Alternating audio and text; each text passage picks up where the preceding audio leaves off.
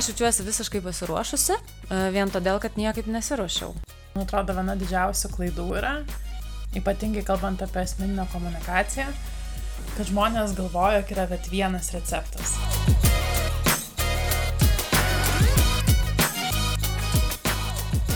Tai sveiki visi, su jumis sveikinasi Julija ir tinklalaidė Dreamers and Humans.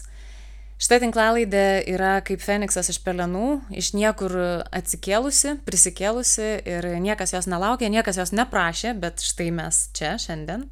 Ir iš tikrųjų šitos laidos e, iniciatorė yra mano bičiulė Justė Gvasdaitytė, kuris sako man vieną dieną, klausyk, o davai padarom laidą. Tai duodu žodį Justė, kad jinai papasakotų, kodėl jinai turėjo šitą pasiūlymą. Žinai, man Atrodo visą laiką labai faina yra klausytis pokalbių, prie, kurie vyksta prie kitų stalelių, kai aš sėdžiu, arba viešajam transportui, arba tiesiog einant gatve. Ir aš pagalvojau, kad e, visai faina būtų įrašyti kelias laidas, kur mes kalbėtumėm apie komunikaciją ir laisvadarbystę. Tokia forma, lyg kažkas galėtų pasiklausyti mūsų šiek tiek tokių privačių pokalbių kavinė ar kažkur. Ir kitas dalykas, kuris man atrodo labai svarbus yra, tiek tavęs tikrai klientai klausia, tiek manęs klientai klausia, nu, tai koks tas yra sėkmingas e, komunikacijos receptas, arba ten, tai kaip tau pavyksta būti ten sėkminga freelancerė, žinai, tai kaip tau pavyksta va tai padaryti kažkaip gerai. Ir visi tikisi kažkokio tai vieno recepto, kuris šimtų procentų suveiks. Tokio recepto nėra, mes galim duoti gairias ir panašiai, bet e, yra labai daug kelių tam pačiam tikslui pasiekti. Tai man atrodo, šitas kelios laidos arba viena laida, priklausomai kaip mums seksis, uh, gali būti tai tiesiog atskaitos taškas, kur mes pasidalinsim savo visiškai subjektyvę patirtim, nuomonę, e, tokia nelabai ne, ne cenzuruota, e, kad tiesiog būtų kaip pavyzdys, nu, vat, kad galima ir taip, bet tai tikrai nėra vienintelis variantas. Tai yra subjektyvios nuomonės ir nugirsti jūsų pokalbiai apie komunikaciją iš žmonių, kurie turi šiek tiek patirties, turi žinių ir nebūtinai jos bus absoliučiai teisingi, neginčiami faktai, pažiūrėkim, kur mus tai nuves. Mes šiandien su Justė sakėm, kad pradėsime šitą laidų ciklą nuo kasdienės komunikacijos. Kas tai per dalykas yra apskritai kasdienė komunikacija, kaip mes ją suvokiam, kuo jinai mums patinka ir kokie yra pavyzdžiai, kurie mums visiškai, visiškai nepatinka. Man atrodo, kad kasdienės komunikacijos fenomenas yra tai, kad ją visi vienaip ar kitaip leidžia į eterį. Ne? E, jinai daugiau ar mažiau visą laiką susilaukia kažkokios auditorijos, e, auditorijos ir jos dėmesio. Ir jinai kelia labai daug minčių, emocijų ir jausmų. E, ne tik tiem, kurie žiūri jau sukurtą produktą, ar tai būtų įrašas, ar, ar video kažkoks turinys, ar tiesiog, nežinau, nuotrauka, kažkas tai, bet ypatingai tam žmogui, kuris kuria tą turinį. Ir jeigu mes šiandien nekalbėtumėm apie profesionalus, kurių tiesioginis darbas yra ten tvarkyti dešimties skirtingų prekės ženklų paskiras ar ten komunikaciją. Tai žmonėm, man atrodo, labai didelis yra iššūkis. Tiesiog uh, kurti komunikaciją, kuri, pavyzdžiui, padėtų susirasti asmeninių klientų arba komunikuoti apie kažkokius tai pomėgius arba aktualizuoti galbūt kažkokias tai temas arba, nežinau, tiesiog uh, padėti savo nedėliam prekės ženklui sulaukti daugiau klientų ir panašiai. Tai tam, kad mums visiems būtų aišku, apie ką mes čia tiksliai išnekam. Tai imkim, tarkim, yra veido masažo specialistė. Ir jinai daug komunikuoja apie paslaugą, vad būtent aktualizuoja ją, pasakoja apie jos visokias naudas ir taip toliau. Tai to mes nevadinam asmeninė komunikacija. Asmeninė komunika kasdienė komunikacija mes labiau turime omeny, e, tai yra jos hobiai, visa tai, kas išeina iš už jos paslaugos teikimo ribų. Ar ne visai? Aš vadinčiau kasdienio komunikaciją, nes tai vis tiek, jeigu jinai pati kuria turinį, jeigu nėra pasamdyto žmogaus, kuris ten už ją viską padaro. Dėl to, kad jinai turi pati sugalvoti, kaip jinai su, papasakos apie savo paslaugas, jinai pati turi nuspręsti, kaip tas sukurtas turinio vienetas atrodys, jinai pati turi nuspręsti, kada jinai publikuojas, jinai pati turi išgyventi gėdos jausmą ar ten kažkokią kaltę ar dar kažką, ką kiti pagalvos momente. E, jinai turi kažkaip rasti motivacijos tai kartoti ir kartoti, kartoti ir kartoti savaitę po savaitės, jinai turi kažkaip išbūti su jausmu, kai jinai vapšė nebenori nei komunikuoti, nei tam paustinti kažko, e, gal turi labai daug klientų. Ir gal išbūti su jausmu, kai stinga tiesiog idėja, ką ten toliau padaryti, arba matai, kad darai taip pat kaip konkurentai daro ir panašiai. Tai man atrodo, tai labai yra platu, bet bet kuriuo atveju mes daugiau galbūt kalbėkim apie žmonės jo, kurie bet kuriuo atveju nėra profesionalai, nedirba agentūrose ir nėra tokie, nu jau labai smarkus specialistai. Nes jiem truputėlį yra kiti reikalavimai ir gal kitos taisyklės. Tai iš savo patirties, kiek esu turėjęs va, tokių klientų arba susidūrimų su žmonėmis, kurie tai daro, visi, gerai, norėjau sakyti visi kaip vienas. Dauguma kartoja vieną ir tą patį dalyką, kad e, kol dar aš kalbu apie savo paslaugas, tol man viskas yra ok arba produktus. Kai tik tai tema pasisuka apie kažkokius kitus dalykus, požiūrį, vertybės, hobius, yra labai sunku komunikuoti, nes visą laiką atrodo, kad um, to jau yra labai daug, šitas tūkstantį kartų yra papasakota, pasidalinta, atreflektuota, niekam čia neįdomu ir apskritai klausimas, ar saugu dalintis šitais dalykais. Tau panašiai būna? Tai aš dar tik tai papildyčiau, kad labai dažnai ypatingai moteris sako, kad o galima kažkaip komunikuoti, nerodant savęs. Ja. Nu čia jau, jau neduok dievę nuotrauką, tai čia kažkas siaubingo. Jeigu jau filmuotis ant kažkokiam storiam, tai nepakeliama. Ta prasme, tai yra nu, toks didžiulis iššūkis. Tai man atrodo, tas tokia elgsena, jeigu kalbėtume apie moteris klientės, tai labai labai uh, jinai yra panaši. Ir jos visos praktiškai sako tos pačius dalykus kad uh, jos neturi ką pasakyti, uh, kad uh, niekam bus neįdomu, kad jau Marytė iš kažkur jau apie tai pakalbėjo. Tai man atrodo, tokio bendro suvokimo stinga, kad um, nu, žmonės, kurie ne, nedirba toje pačioje srityje kaip ir tu, nu, jie tikrai nežinos tiek daug dalykų, kiek tu žinai. Apie tą patį dalyką skirtingi penki žmonės skirtingi ir papasakos. Problema, man atrodo, yra, kad mes labai užsiciklinam įvedę į Google patarimai, kaip daryti komunikaciją, randam ten, nežinau, šablonės 10-15 temų ir va taip primityviai nukopijuojam. Nes su tom temom yra viskas gerai, tai pametėję tam tikrą kryptį. Yra blogai, kai mes daugiau ir nebematom sluoksnių arba kažkokių tai skonių tai temai. Tada mes tampam, nu, va, vienodi, jeigu dirbam toj pačioje srityje. Pažiūrėk, net komunikacijos specialistai. Daugelis mūsų, mes esam vienodi mes turim kažkokias brandinės spalvas, mes turim kažkokias ten fainas nuotraukas pasidarę, mes tokie esam pozityvus liuksų žmonės ir pasakojam, kaip tą nežinau, kaip dešimt būdų, kaip suvaldyti krizę, penki būdai, iš kur gauti naujų idėjų, trys būdai, kaip pasitikrinti, ar tavo paustas geras, mes visi kalbam apie tą patį. Tai čia šiek tiek sudramatizavau, nes ne visi, bet mhm. mintį pagavai. Šitoje vietoje, žinok, negaliu neprisiminti savo bičiulės, Jis yra jogos mokytoja. Ir e, kartais, kai mes su ja susitinkam, mes kalbame apie tai, kaip sekasi jai, jos joga. Jos joga yra kitokia. Tai jau pradėkim nuo to, kad tai truputėlį duoda tą kitą spalvą. Ir kitas momentas, jinai sako, aš tiek metų ją vedu ir sako, man tiek metų nepavyksta tapti tą normalią, kabutėse, jogos mokytoją. Ta, kuri yra va tas vaizdas, kuris dabar visiems atėjo į galvą. Mhm.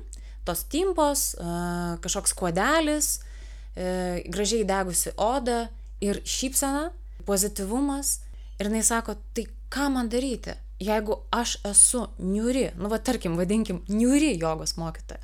Aš nei gyvenime, nei savo užsiemimuose nesišypsau ir netitinku to standarto susikurto, to patogaus visuomeniai įvaizdžio Ir sako, gaunasi, kad man ir komunikacijai, nu, teoriškai reikėtų irgi va tokiai būti, galbūt va nepatogiai, kažkokiai niuresniai, bet tos, žinai, pozityvios šypsenos. Ir va šita dalis yra labai įdomi, nes man atrodo, kad vieniems iš mūsų vis dėlto pavyksta ir komunikacijoje išlikti savimi ir vis dėlto, na, suvokti, kad tai yra tam tikra kaina galbūt, kurią mes sumokėsim, nes kažkuriai auditorijos daliai tai bus nesuprantama ir jinai nenorės eiti pas tokią jogos mokytoją.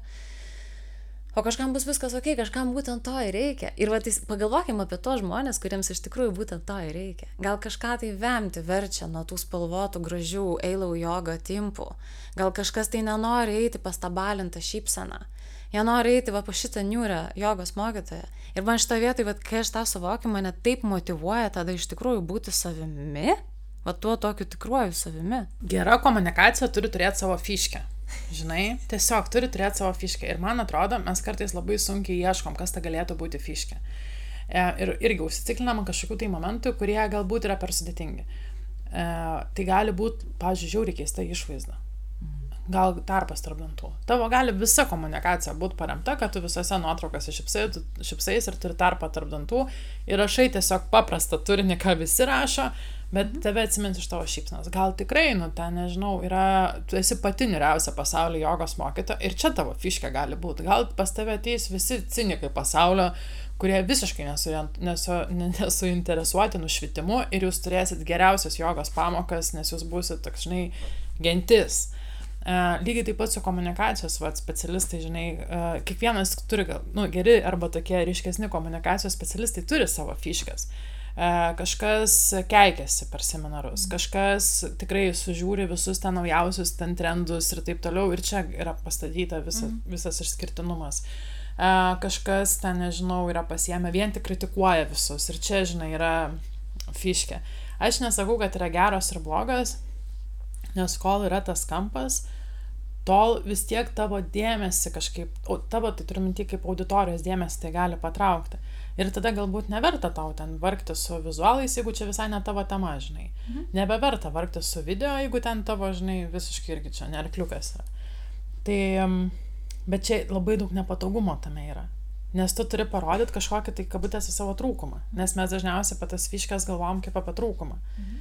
Ir čia než, nėra kaip žmonėm, nu negali papurti žmogaus ir kad jam susikratytų galvoj ir jis dabar pradėtų apie tai pozityviai kažkaip galvoti ir sakytų, jo, aš būsiu niri jogos mokytoja. Mm. Bet e, man atrodo, čia labai šiaip veiksmingas kelias, kad komunikacija irgi taptų iš dalies kaip gyvenimo būdu. Tai ją konstruoti ir statyti ant kažkokio tai savo kabutėse trūkumo. Tai trūkumą naudoju tik dėl to, kad nežinau dabar kažkokio greitai kito žodžio, kuris... Ypatybė kažkokia. Ypatybė, va, ypatybė, labai geras. Mm kad būtų su pliuso ženklu. O klausyk, gali dabar prisiminti kokį nors savo pavyzdį ar savo aplinkos pavyzdį, kur realiai žmogus bet ėmėsi tokio eksperimento komunikacijoje ir kažką atrado apie save, gal tau pačiai taip yra nutikę? Man apskritai jo komunikacija labai ilgai buvo darbas. Aš niekada nesvaršiau, kad čia o gyvenimo būdas gali būti, kad čia gali būti hobis, kad čia gali būti kažkoks dalykas, nu, toks su smagumu. Ir man pasikeitė šitas požiūris tada, kai aš pradėjau būti laisva darbė ir pradėjau kurti savo asmenį prekės ženklą. Ir man reikėjo pereiti per tuos pačius visus klausimus. Tai kaip aš noriu atrodyti viešoje erdvėje, E, ką kiti pagalvos, e, kaip, e, kaip padaryti, kad man būtų įdomu daryti komunikaciją, nes aš žinojau, kad tai čia bus ilgas maratonas, neužteks penkių postukų, kad aš turėčiau pakankamai klientų ir tada, vat, kokia ta forma turėtų būti. Tai man pačiai tai buvo įrankis. Ir aš turiu vieną klientą, kuris visiškai nebuvo susijęs su socialiniais tinklais, vyras, nu tai jau tai labai apibrėžia jo naudojimą socialiniais tinklais. Mm ir jo Instagramo paskyra turėjo ten tris nuotraukas iš serijos ten 95 metų ir, ir that's it. Ir kai mes pradėjom dirbti, jisai po truputį atrado, nu, vat, kad jam patinka kažkokios tai kitos temos, kad jis vat, labai mėgsta ten sportą, discipliną, saviugdą, kad jisai gali to dalintis, kad jisai gali sukurti, sukurti kažkokį video, kad jisai gali pasidalinti knygom, kurios jam patinka, jisai gali gauti grįžtamą į ryšį ir panašiai. Ir tai visiškai atvėrė ir naujus įgūdžius, ir naują lauką, Ir dabar jau praėjo turbūt geri metai, kai jisai nu, tuo užsiema. Ir yra nuostabu žiūrėti, kaip pasikeitė jo turinys, koks tai kokybiškas tapo, žinai, įvairus ir kiek jisai pats prieksperimentavo.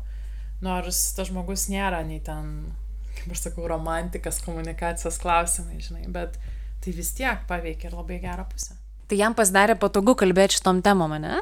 Dalintis savo dalykais. Taip, taip, ir patogu, ir kad tai nėra baisu, ir kad tai duoda pridėtinę naudą ir vertę. Tik jų atveju mes labai jokavom, kad jam labai daug merginų pradėjo rašyti. Tai čia nebuvo planuotas toksai efektas. Bet um, jo, tai visiškai gali tau atskleisti kitokią tavo, nu, tavo pačios pusę. Uh, man atrodo, ir tu su komunikacija, nežinau, vat, kokia tavo istorija, ar tu, kai pradėjai dirbti su komunikacija, visą laiką buvai susifokusavusi į vizualą labiau negu į tekstą ar ten kitas komunikacijos formas. Nes atrodo, kad ir tu, kaip tu dėlioji savo komunikaciją, nu, jinai irgi yra apie tą eksperimentą apie tuos eksperimentus ir paieškas ir panašius dalykus, nes tu kažkada pati keisi, kokias tu nuotraukas keldavai tam prieš, nežinau, ar penkmetį, ar, ar trumpesnį laiką ir dabar tu tikrai jau turbūt tokių nekeltum ir tavo tinklelis visiškai kitaip atrodo. Šiaip iš tikrųjų labai smagu prisiminti, aš atsimenu 18 metais, kai išsikraušiau iš Lietuvos kuriam laikui ir sugalvojau, kad, nu gerai, reikia iš kažko tai gyventi pakeliui ir parašiau tiesiog paprastą įrašą Facebook'e ant savo asmeninės sienos, todėl kad neturėjau ten jokio Facebook page, nieko, nieko. Tiesiog parašiau, kad, na, aš galiu kurti jums turinį. Ir tiesą sakant, žinai, dar storių tuo metu net nenaudojom normaliai. Dabar, aš tiesiog parašiau, kad galiu jums klientai, kad ir kokioje srityje jūs esate, e, tiesiog ruošti įrašus, ten padaryti kokį nors komunikacijos planą. Nu, ta prasme, toks labai labai primityvus, tam tikrą prasme net vaikiškas, galbūt net buvo paustas. Ir aš tada po truputėlį, po truputėlį pradėjau irgi gilintis, tai kaip man čia save iškomunikuoti, ištransliuoti kaip tokų žmogų, kuris padeda tos Facebook'o paustus rašyti. Ir um, aš tiesiog darydavau taip, kaip daro absoliučiai visi. Aš tiesiog ėmiau ir kopijavau ten susiradusi ar YouTube, ar Instagrame kokias nors amerikietės, kurios lygiai tą patį daro Amerikoje, pasidarydavau ar bifunkiai, ar kokioj nors kanvoj pagal šablonus tam tikrus uh, tokius thumbnails, tokias užsklandas, ne, ten tiems ar Instagramo postams, ar YouTube postams. Ir aš tiesiog, tiesą sakant, tiesiog pradžiai copy-paste dariau taip, kaip darė jos, nes tikriausiai tai yra va ta tuo metu tai tu esi tokioj teritorijoj, kuri tau yra dar visiškai nepažinta, tu pats nieko joje nesupranti ir man atrodo kad visai gal ir buvo geras sprendimas tiesiog bukai eiti ir kopijuoti nes tiktai kopijuodama po truputėlį aš pamačiau ko man reikia ir kaip man reikia. Ir tekstai ir vizualas ta prasme ten iš dabartinio taško žiūrint tai man viskas yra labai šabloniška labai primityvu labai banalu. Bet tuo metu tai buvo tai kas nu man veikė ir ką aš turėjau daryt Geras, nu visiškai geras, ne? Ir čia yra pavyzdys apie tą tokią evoliuciją, nu, kad komunikacija kaip ir gyvenimo būdas ir gyvenimas nukeičiasi, ne? Ir ne, nebijot pa, pa, pakeisti. Aš kaip pati pradėjau komunikuoti, tai man atrodo, kad aš save susideginsiu taip, nu, tai su rašymo stilium, kad ne, nesupras ir kad jisai bus prakandus. O kitas momentas, kad e, nebus jokio rezultato dėl to, kad reikia būtinai daryti video kad reikia būtinai filmuotis ir kad aš dabar turiu tikrai pradėti šokti, ant plot rankom ir daryti visus reelsus pagal trendinės muzikas, dėl to, kad kitaip aš nepasieksiu auditorijos. Ir taip, mano gal pasirinktas kelias yra sudėtingesnis, nes aš rašau ilgus tekstus, kurie pagal visus standartus e, neturėtų šiaip nei pasiekti auditorijos, nei kažkam ten labai patikti, nes mes kitaip vartojam turinį.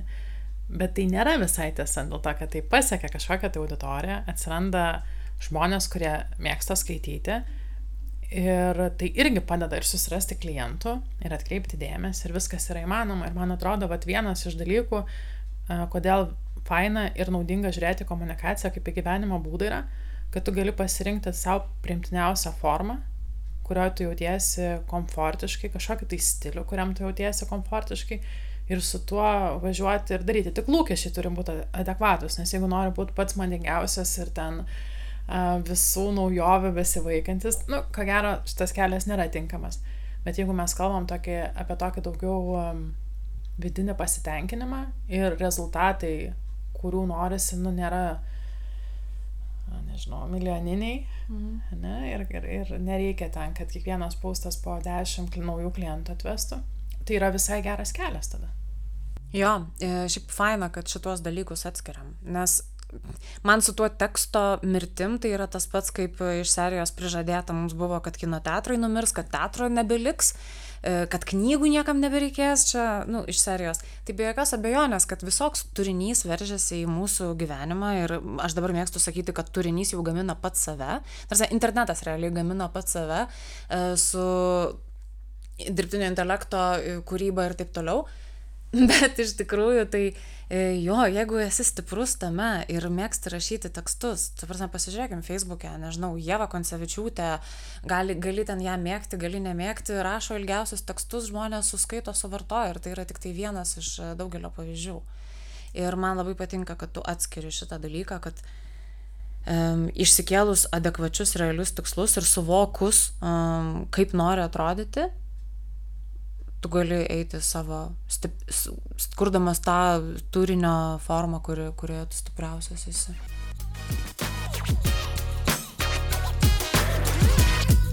Labas, kviečiu pažinčiai su vizualinė komunikacija.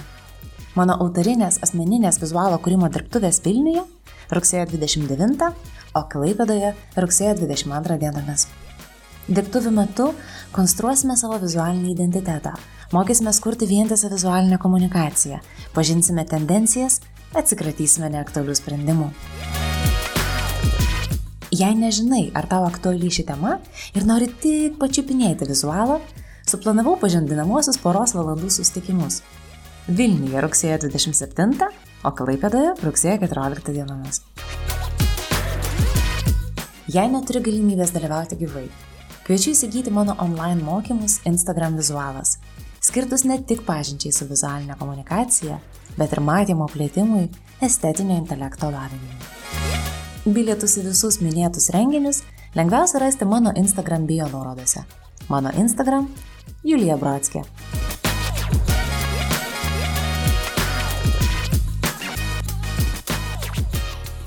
Kaip kasdienė asmeninė komunikacija atsispindi tavo pačios komunikacijai?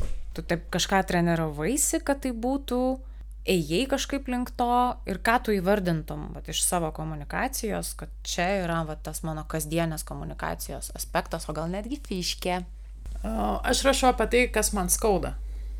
Visos man, temos, visi įrašai yra apie dalykus, kurie mane trigerina, kurie man atrodo neteisingi, kurie man atrodo per mažai sulaukiantis dėmesio, per mažai kažkaip, nežinau, atspindėti kažkur ir panašiai. Daugiau ar mažiau. Todėl yra tokie off-topic e, įrašai, kur aš kritikuoju tam tikrus, pavyzdžiui, dvasingus verslus, nes man atrodo jie netiški. Tai niekaip nėra susijęs su mano kompetencija, bet man asmeniškai tai kliūna ir aš sauliaidžiu tai, žinai, kažkaip tai aštriau pabrėžti arba pasakyti, nu va čia, man atrodo, ribos yra peržengtos. Ir apskritai, va tas galbūt toksai, čia yra labai subjektivu, e, bet e, savo ribų parodimas, kad, tarkim, man atrodo, jog vieni skandalai tikrai ten peržengia kažkokias mūsų kaip visuomenės ribas, mano subjektyvių požiūrių. Ir va tas subjektivumas, man atrodo, yra visai fiškė. Ir plus e, aš rašau kandžiai. Mhm. Nes uh, iš vizualinės pusės mano komunikacija yra labai plokščia. Nu, nu žinai, bet e, man kol kas patinka, nes mano gal dėmesys yra kažkur kitur. O dėl treniruočio, man gal treniruotė vat, ir yra ir per, per vizualinę pusę. Man rašymui nereikia treniruotės, nes čia daugiau paremta mano vertybių kažkokia sistema, mano pamišimais galvoj, mano kažkokiais tokiais polikiais. O va tai, kas liečia vizualą, ypatingai per istorijas, tai aš turiu kažkaip va tada ieškoti būdų, kaip man parodyti pasaulį, kurį aš matau, va tokia forma, kuri man nėra patogi. Tada aš jau kaž, kažkokius bandau pažiūrėti kurselius, kaip kad, kad horizontas nuotraukai būtų tiesus, aš žinai, nedavim ten ar kažkokį laipsnį kampu, kaip man ten uh, Mm, kažkaip tas nuotraukas gal patvarkyti, netvarkyti, nu, vat, kažkaip kaip nufotografuoti, nu, vat, kažkokie tokie elementai atsiranda.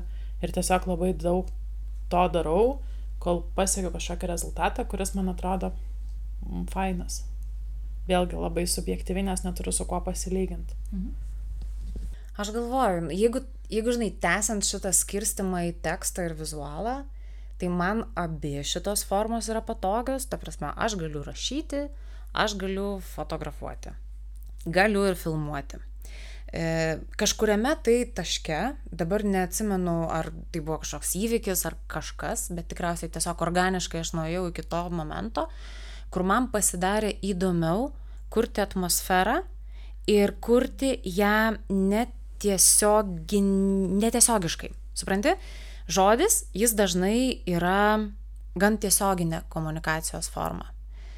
Jisai gali būti interpretuojamas skirtingai, tekstas gali būti interpretuojamas skirtingai, bet sutikime, kad e, labai dažnai tai, ką komunikacininkai rašo istorijos, labai dažnai tai būna pakankamai tiesiogiai suprantama informacija.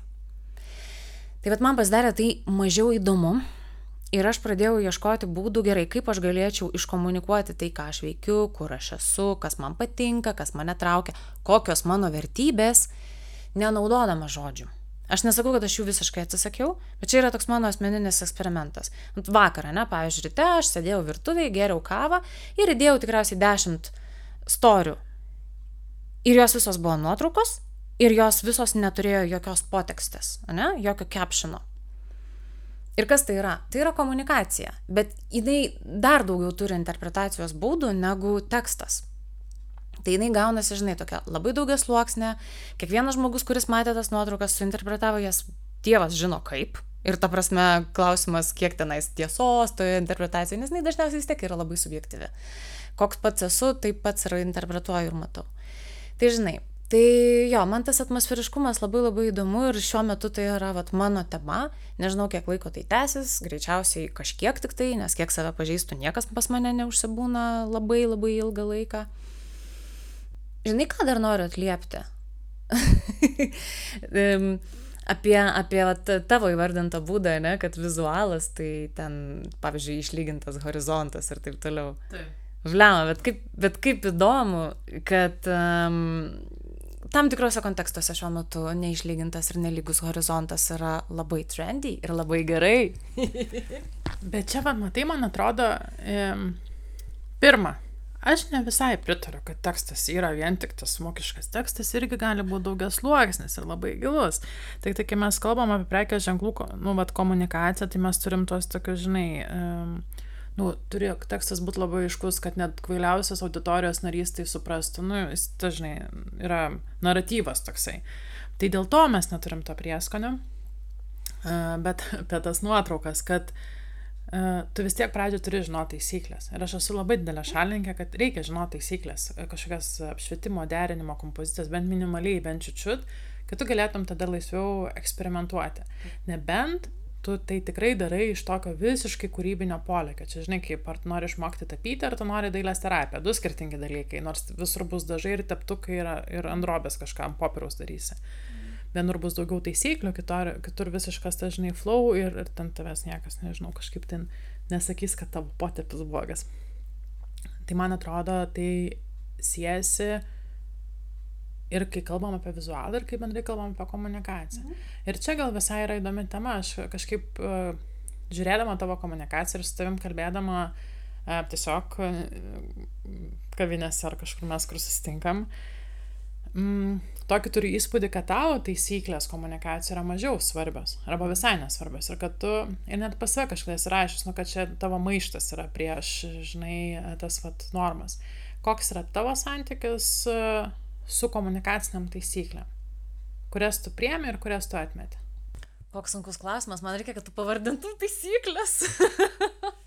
tai žiūrėk, aš tą papasakosiu, kaip aš, nu, tipo, um, tai kad komunikacija turi turėti ritmą kad mhm. negali būti per vieną dieną penki įrašai ir po to du mėnesiai tylos. Mhm. Kad tai turi būti kažkoks nuoseklumas ir įsipareigojimas. Priklausomai nuo to, koks, kokio žmogaus rezultato nori, kiek jis laiko gali skirti ir panašiai. Nu, tai ten kaip, tas yra legendinis jau, ten du postukai per, per savaitę, nu, tai turėtų žinai būti. Tada, kad um, turi būti kažkokia stilistika, kad visiškai jau kiekvienas įrašas ar kiekvienas ten uh, e, turinio vienetas bus pats savo, visiškai nesisės kažkaip stilistiškai, tai, nu, tai nėra gerai, nes kai siejasi, tai tu vis tiek formuoji atpažįstamumą ir spalvom, kažkokiais elementais, ten galbūt net tą atmosferą galima, žinai, priskirti. Tai kad irgi tai yra svarbu, kad uh, turi atitikti kažkokius tai bent minimalius uh, kokybės reikalavimus, nes žmonės mėgsta vis tiek kokybišką turinį. Ir ten, va, aš jau nežinau, su tom sudrebėjusiam nuotraukom, žinai, kiek ten jų turi būti ir kada jos dar skaniai žiūris, o kada tai tiesiog yra ten nekokybiškas turinys ir tavai susimkit ir pasidarykit fotosesiją, žinai. Um, tos pačios kažkokios tai tvarkingos produktų nuotraukos ar žmonių nuotraukos, jų irgi reikia kažkiek tai komunikacijai, negali visa galbūt komunikacija paremta, e, tik tai tuo ir gal noris kažkokio tokio smagaus bardako, bet jeigu tu negebi suvaldyti to bardako, tai gal geriau tada saugesnį variantą pasirinkti. Ir aš savo klientam tikrai labai dažnai nusiūlau uh, tiesiog iš pradžių pradėti nuo kanvo šablono, po to jau ten susižiūrėsit, kur jūs norit, ar ten nueisit į kursus, ar kažkokius, žinai, kitus dalykus pasidarysit. Tai šiek tiek prieštarauja tam tokiam, bet visiškai flow ir ką mes kalbėjom, kad čia toks kūrybinis momentas, nes taisyklės kažkokios yra, bet man jos atrodo protingos. Mhm ir į naudą. Kaip, kaip tau tai skamba? Tai, žinai, dabar taip gaunasi, kad aš paisau visų šitų taisyklių. nu, ta prasme. Kiek ne, negali būti. Tikrai. Uh, tas ritmo ir kažkokio tai vis tiek planavimo momentas tikrai pas mane yra. Ir aš irgi visiškai, visiškai sutinku, kad reikalingas yra vientisumas. Tai gali negalioti kai kuriem super kūrybiškiem uh, prekės ženklam, kurie tiesiog atstovauja visiškai kitą kontekstą e, ir jiems lygiai taip pat gali negalioti kokybiniai kažkokie nuotraukų ar video reikalavimai, bet e, tokie prekės ženklai dažniausiai ir yra susijęs su meno sektorium, kūrybos sektorium, kažkokiam tai nišiniam radio stotim, nu va šituos visokius galim imti variantus. Bet visa kita taip, aš visiškai sutinku su tavim, Justė, ir aš e, tikrai nemažos dalies šitų taisyklių paisau. Uh, E, tik tai yra momentas tas, kad man gal pačiai šiuo metu nėra labai įdomu dirbti su prekės ženklais, kurie vat yra toje stadijoje, e, kur vat jiems reikia pradžiai parodyti tos pradmenis ir parodyti tą minimalius kokybės reikalavimus. Mm, man dabar tiesiog yra įdomi truputį kita ta sritis ir kampas. Bet neneigiu, neneigiu taisyklių tikrai.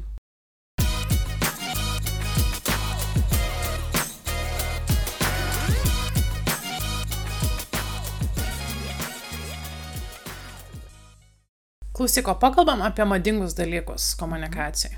Nes čia irgi, kaip žinai, madingi rūbai atsispindi gatvėse, taip ir madingi komunikacijos momentai. Ir vienas iš jų, tavo tas yra, kad nu, labai svarbus komunikacijos žmogiškumas yra, žinai, mhm. autentiškumas. Ir va čia gal visai erdvė yra, žinai, pasišnekėt, geras dalykas tampa blogu, kaip jį atpažint, kodėl taip atsitinka, apie ką tai yra ir panašiai. Ir mes daugiau dar galėsim pa, pa, paliesti kažkokių tai va tokių trendinių dalykų, kurie, nežinau, pam ant pam. E, dabar norėčiau, žinai, nusikopijuoti kokį nors tekstą, kokios nors drabužių dizainerės lešas stilistės, nes kiekvienas profesionalus ir sveikas e, šios ryties atstovas pasakys, kad kiekvieną trendą reikia matuotis pagal savo gyvenimo kontekstą, vertybės, stilių ir kitus kažkokius dalykus, ne? Tai man atrodo lygiai tas pats absoliučiai galioja ir komunikacijai. Nu būtų kažkokia tai nesąmonė prabangos prekės ženklui, dabar prikurti vizualo, pavyzdžiui, kuris yra kažkoks noisy, su, su, su kažkokiais distractionais, sorry, nebemoku lietuvių kalbos. E, žodžiu, visa tai, kas jam absoliučiai šiuo metu, kas jam absoliučiai netinka pagal jo įvaizdį ir pagal jo auditoriją, auditorija to gyvenime nesupras. Nu ir kas, kad visi aštuoniolikmečiai dabar taip nori fotkinti ir filmuoti. Tai čia, žinai, elementarus kiekvieno trendo matavimasis turi būti.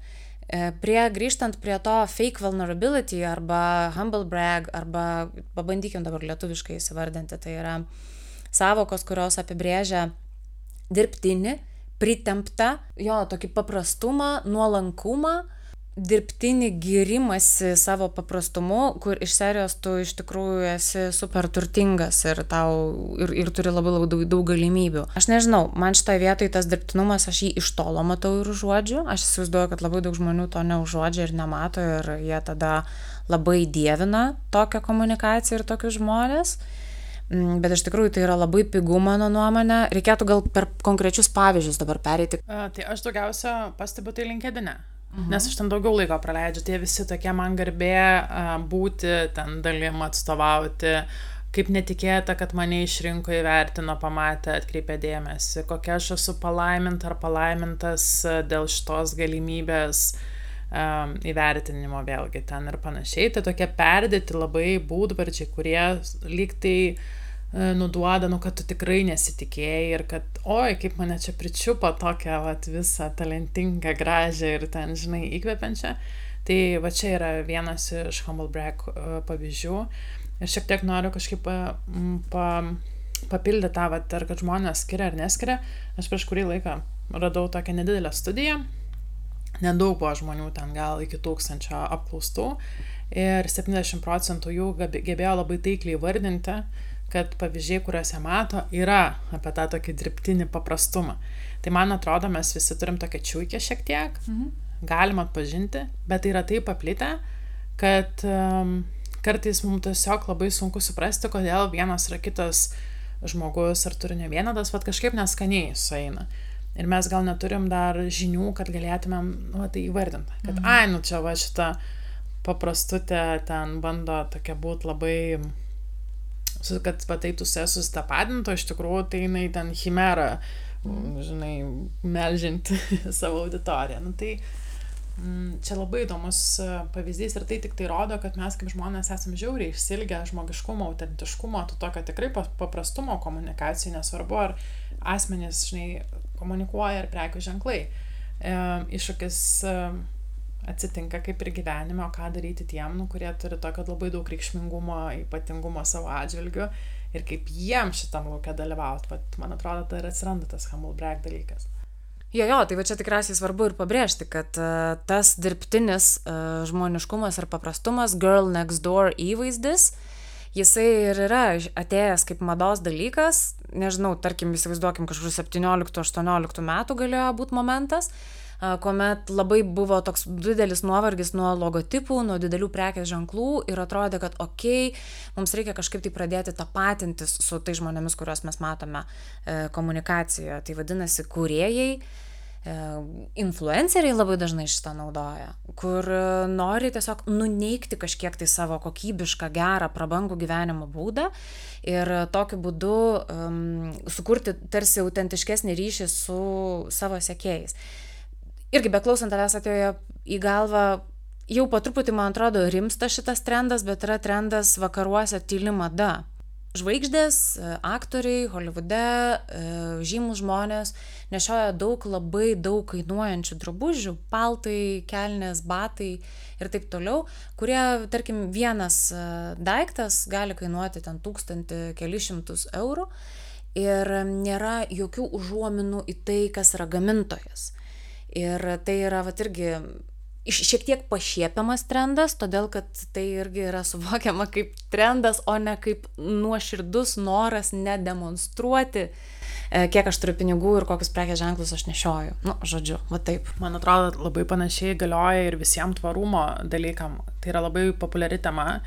Ir Lietuvoje irgi yra pilna ir influencerių, ir prekės ženklų, kurie labai norėdami prisijaukinti tvarumo temą, pjauna grybą, nes, žinai, vienam postė jie labai ten tvarus ir ten, nežinau, e, reikia pirkti labai kokybiškus, ten atsakingai pagamintus e, rūbus, nešvaistyti maisto ir ten būti labai tokiam um, sąmoningam uh, tvarumo klausimais. Kitam paustė jie ten jau bus, uh, žinai, H&M rūbais apsirengę uh, visiškai ten kažkokiam, nežinau, mm, reklamuos uh, Gerai, e, kažkokius, tai kažkokias priemonės, kurios yra visiškai netvarios. Ir čia tas toks net nepasakyčiau, kad čia gal greenwashingas yra, jeigu mes kalbam apie influencerius, nes vis dėlto ne prekė ženklai, bet, um, bet irgi tai yra labai trendas, kurį bando, kažkaip geras trendas, bet komunikacija, nu, jeigu tai nėra vertybinis ir pamatinis dalykas, tai geriau iš vis ne, nenaudoti arba naudoti tik tai tiek, kiek natūraliai tau, e, nu, tai yra tavo gyvenimo dalis. Ir geriau apsiriboti tik, tik tai daugkartinių pirkinių maišelių, negu, žinai, eit paskui iš proto, ten bandant, nežinau, prastum savo auditoriją kažkokias kitus sprendimus. Jūs ten, nu, bet apie ką mes kalbam? Ta prasme, kiek yra influencerių ir tai yra tiesiog vieša paslaptis, yra žiauriai jokinga ir pikta tuo pačiu, kai yra reklamuojama reklamuojamas, žodžiu, koks nors androidinis telefonas. Pastoviai visi reklamuoja savo androidinius telefonus, o iš tikrųjų patys naudoja iPhone'us. Mes renkamės va tokį turinį vartoti sąmoningai, žmonės rimtai. Nu, ta prasme, kiek yra tiesos va tokiuose reklamuose, va toks at vienas dalykas ištrauktas, jau kiek parodo apie šitos reklamos ne, netikrumą, neautentiškumą visiškai. Ta prasme, dėl pinigų mes galim padaryti labai daug. Mes ir suprantame šitą gana jam jautrą temą, bet um, nu čia yra laukiniai vakarai, žinai, nes tau niekas negali, nu svarbu reklamą dabar tik tai žymėti nuomonės formuotam, nes daugiau kažkokių tai gairių nelabai yra, išskyrus galbūt, kurie bendradarbiauja su didelėm agentūrom, kaip, pavyzdžiui, Influencer LT, tai man atrodo, dar ten yra mm, kokybinė kartelė, kaip atsirenka tuos e, nuomonės formuotojus ir, ir panašiai, tai šautautas Laurai. Iš influencer LT, bet šiaip kit, kitu atveju tai yra toksai, žinai, kaip nuspręsi, tai pasidarysi. Aš nežinojau dėl Androidinių telefonų, jaučiuosi įsižeidus, nes aš pati naudoju Androidą ir e, aš kažkaip nežinojau, aš galvojau, kad o, kaip faina, čia visi pereina. Tai vad, matai, um, labai lengva ant to pasimauti. Man atrodo, dar vienas iš tokių trendų yra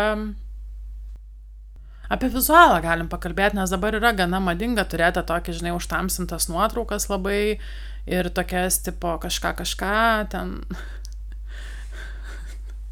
tai, tai va, kiek, pavyzdžiui, tokio, kiek, kiek vizualiai reikia uh, vaikytis arba kiek vizualiai rekomenduotum žiūrėti į tai, kas yra madinga ir kur yra, jeigu nori prekės ženklas arba asmo būti stilingų, šiuolaikiškų, žinai, tokių, vat, šių dienų turinio kuriejų arba turinį kuriančių prekės ženklų. Tai jau matai, šiek tiek kalbėjom apie tai prieš tai, tai mano mintis buvo tokia, kad kiekvieną tendenciją reikia matuotis pagal save ir jokiais būdais aklai nesivaikyti. Ta užtamsinta kompozi... ekspozicija yra jau nuėjęs trendas. Ta prasme, aš nežinau, jeigu a, kas nors šitą dalyką dabar naudoja kaip šiandieninę savo komunikaciją, tai informuoju, tai yra nuėjęs, nebeaktualus trendas. Jeigu, vat, jeigu taip reikėtų vat, vieną vienintelį kažkokį pasakyti šiam momentui dalyką, aktualu, neredaguota arba redaguota minimaliai arba redaguota taip, kad nesimato visiškai vizualinė komunikacija, kuri yra maksimaliai paprasta, va taip kaip sėdėjau iš to kampo, kaip buvo, kaip matėsi vaza su gėle, taip nufotkinau ir nieko daugiau su ją nedariau. O tai yra tai, kas šiandien, šiam momentui, rūpiučio 8 dieną 23 metų, yra tikrai, tikrai mm, gerai vertinamas dalykas. Ir čia jau net nepriklauso, iš tikrųjų, toks gan universalus dalykas, kuris galėtų būti galiojantis nemažai daliai tiek žmonių, tiek prekės ženklų. Super, organiška, paprasta, atsaini komunikacija. Tai supratau, tai reiškia viskas, galima vėl uh, spalvotas nuotraukas naudot komunikacijoje, nebereikia, kad būtų tik tai ten, žinai, niudinės kažkokios spalvos, ne, presetai, nebereikia, kad viskas būtų užtamsinta, nebereikia, kad būtų tai balta, nebereikia, kad būtų viskas biškai žalias spalva. Mhm.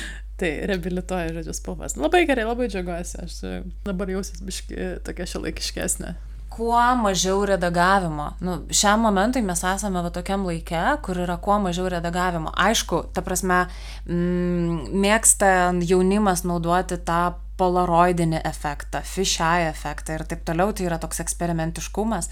Bet basic, basic dalykas, tai sakyčiau tiesiog nulis redagavimo. Gerai, pašnekam šiek tiek apie madingus kanalus. Apie TikToką ir panašius, kurie atsiranda ir dinksta kaip manai, ar tai yra faina vieta, kur galima irgi eksperimentuoti ir pasimatuoti, ar tu labiau linkus likti prie klasikinių kanalų ir koks tavo požiūris yra? Aš esu labai atvira, bet aš renkuosi neturėti laiko vartoti turinio kitur. Tai net tam pačiam Instagrame praleidžiu pf, iki pusvalandžio per dieną. Ta prasme, tikrai labai labai mažai turinio naudoju.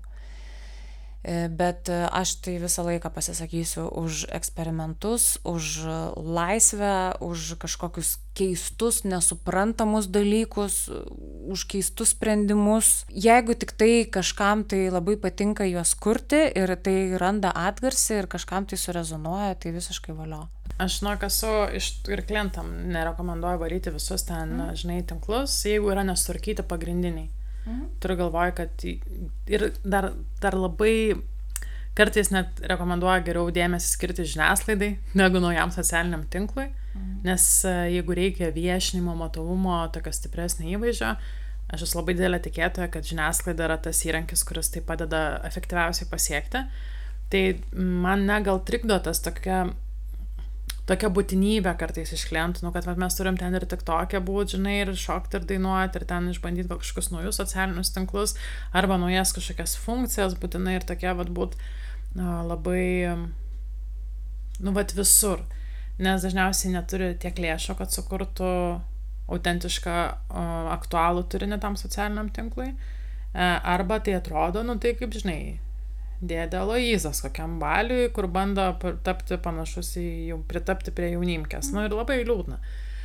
Tai man atrodo, taip kartais tai nėra, nėra faina. Bet aš manau, kad visai yra cool, jeigu, tarkim, nepatinka ten Facebookas, Instagramas, jeigu nepatinka, nežinau, ten naujienlaiškus ar kažkokius kitus dalykus daryti, ar LinkedInas, jeigu nepatinka, tai visai yra gerai atrasti kažkokį kitą kanalą alternatyvų ir jame pasitaškyti, žinai. Yra puikių ir tų pačių nuomonės formuotojų, kurie dirba tik tai, tarkim, tik tokia. Ir tai yra super.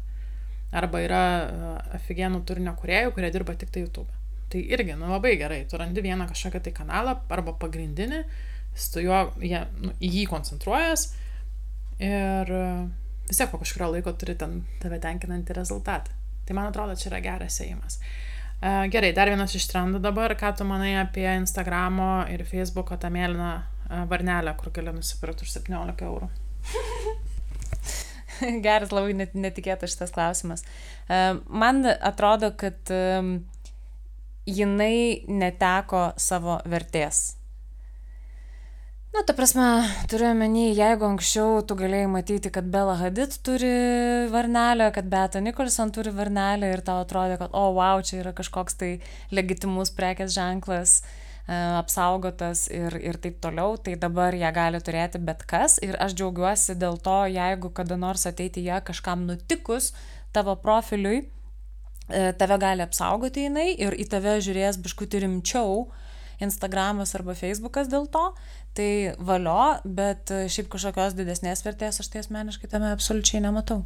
O tu? Ne, aš nematau ir pati asmeniškai tokios vertės savo profiliu ir kažkaip e, klientam irgi nerekomenduoju, jeigu jie neturi ten kažkokios labai didelės auditorijos, kurią rinko labai daug metų ir ten e, tikrai visas, pavyzdžiui, verslas paremtas ant tos auditorijos. Tai čia truputėlį gal kita kategorija, bet šiaip e, kalbant apie ten kelius tūkstančius sėkėjų, tai aš nemanau, kad um, man atrodo, daugiau edukacijos reikia, ką daryti, kad ta paskira tavo nebūtų pačiupta, žinai. Ir, ir daugiau gal tai fokusuotis. Ir tuos 17 eurų galima išleisti puikiai reklamai. Instagramo arba Facebooko, ten keletai dienų vienam įrašui visai buvo prasisukta, žinai. Ir man atrodo, tai būtų kažkokia protingesnė investicija. Bet tai labai puikiai parodo, va tas noras turbūt tokių, tokio įvertinimo apie tą nu, vat, mūsų žmogišką norą būti labai ypatingiam.